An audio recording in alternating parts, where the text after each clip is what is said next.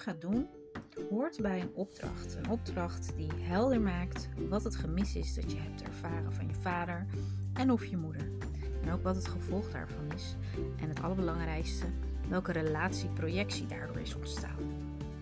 Deze oefening draagt dus heel erg bij om de kluwen van emoties te ontwarren, waardoor je eigenlijk ja, kunt gaan helen wat er geheeld moet worden. En dat je niet meer je partner verantwoordelijk stelt voor het vervullen van die leegte in jezelf.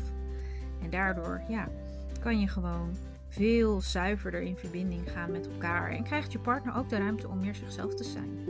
En jou te geven wat vanuit zijn hart komt. In plaats van wat je partner denkt dat jij verwacht. Omdat jij dat bij hem neerlegt. Het is ook goed om dit allebei te doen. Want het is natuurlijk vraag en aanbod. Dus zorg dat je lekker gaat zitten. En heel veel beleid. En hopelijk heb je er heel veel aan.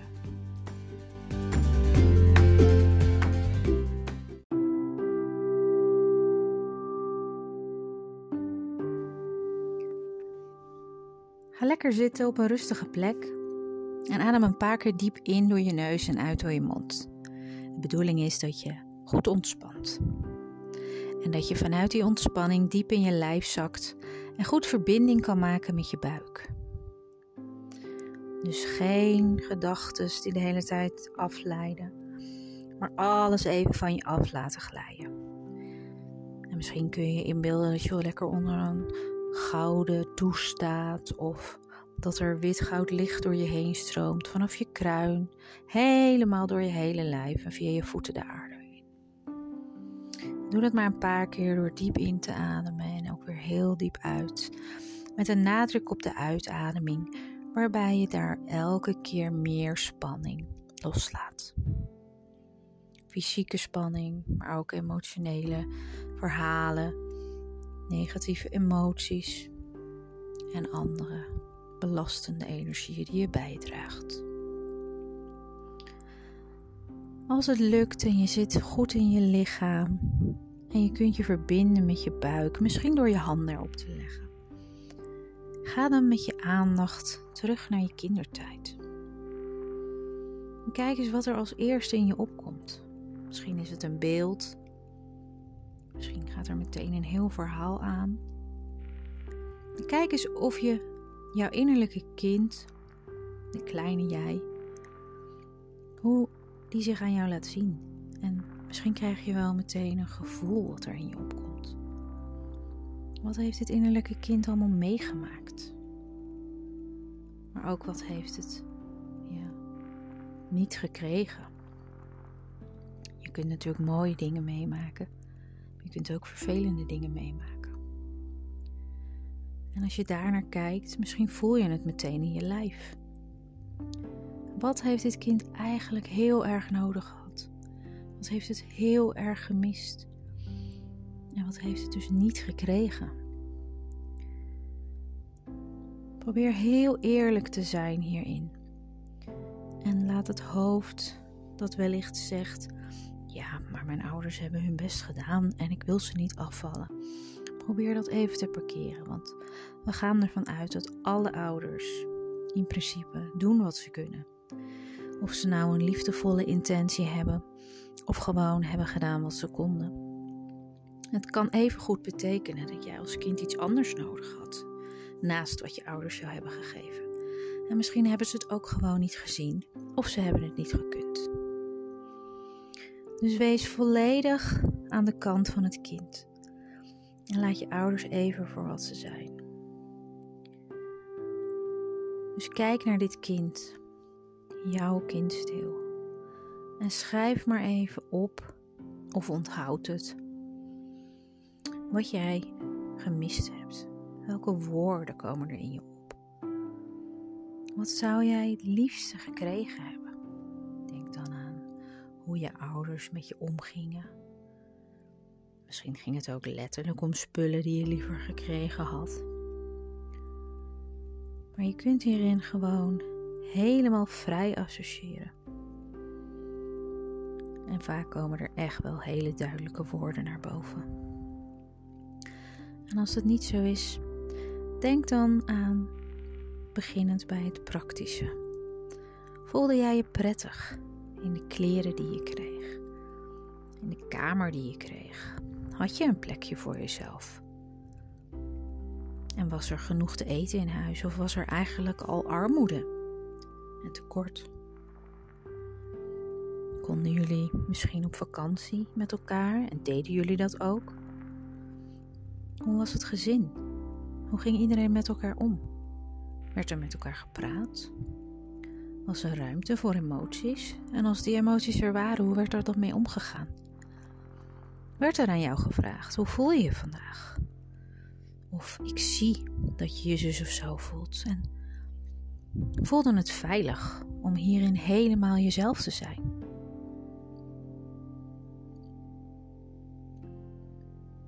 Dit zijn de belangrijkste lagen: het fysieke aspect en het emotionele aspect.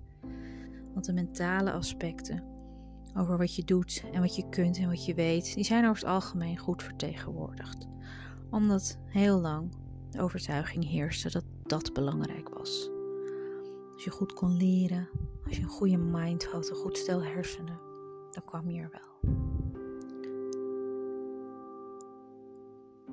Dus kijk eens hoe dat voor jou was. Heb je hierin duidelijk dingen gemist? Misschien ontdek je dat nu wel pas voor het eerst dat je denkt: hm, vond dat eigenlijk helemaal niet zo fijn. Ik merkte eigenlijk dat ik dat heel graag had gewild.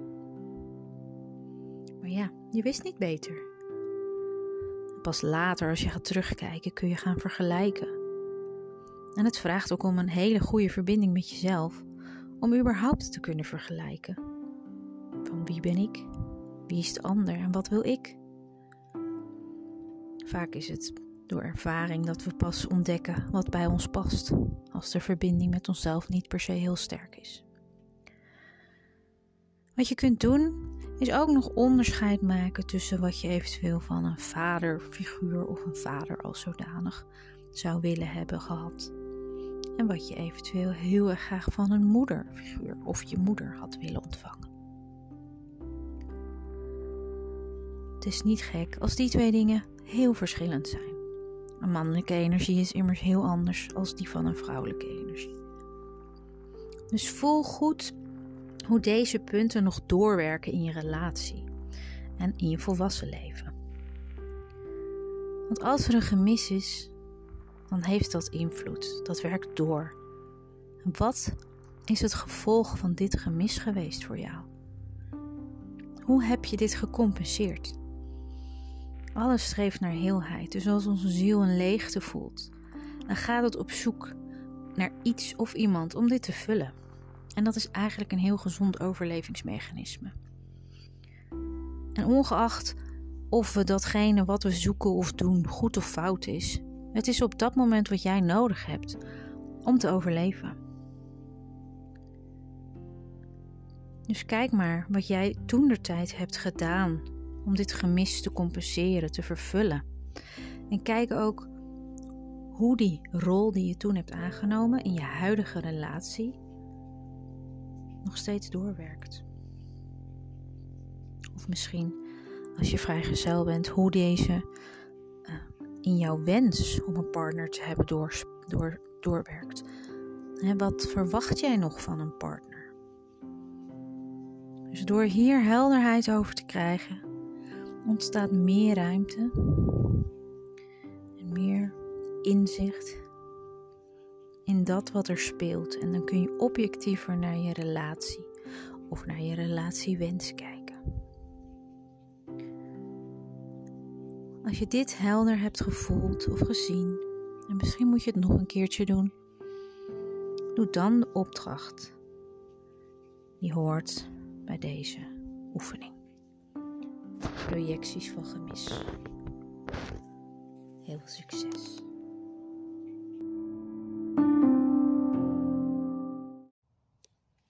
Hallo, heel mooi mens. Mijn naam is Katelijn en je luistert naar de Heel Jezelf podcast. Ik deel hier podcasts en meditaties over relaties, hooggevoeligheid en bewustwording. Ik ben namelijk HSP en life coach, relatie- en kunstzinnig therapeut. En mijn wens is dat iedereen meer heel zichzelf wordt. je het leuk om deze podcast allemaal te beluisteren en wil je niks meer missen? Dan kun je me volgen door het belletje in te drukken of zelfs abonneren. En dan heb je ook toegang tot de betaalde meditaties die echt specifiek voor hooggevoeligen gemaakt zijn. Ik zou het ook heel leuk vinden als je me zou taggen en een podcast zou delen, zodat ik weet wie er luistert. Op Instagram vind je me onder HSP en Life Coaching. Of ehm, stel misschien een vraag of ehm, een onderwerp wat je wil dat ik bespreek. En dan ga ik er zeker een podcast van maken. Want ik vind het heel erg leuk om te weten wat mensen bezighoudt met betrekking tot onderwerpen die ik hier bespreek. Nou, heel veel luisterplezier en tot ziens.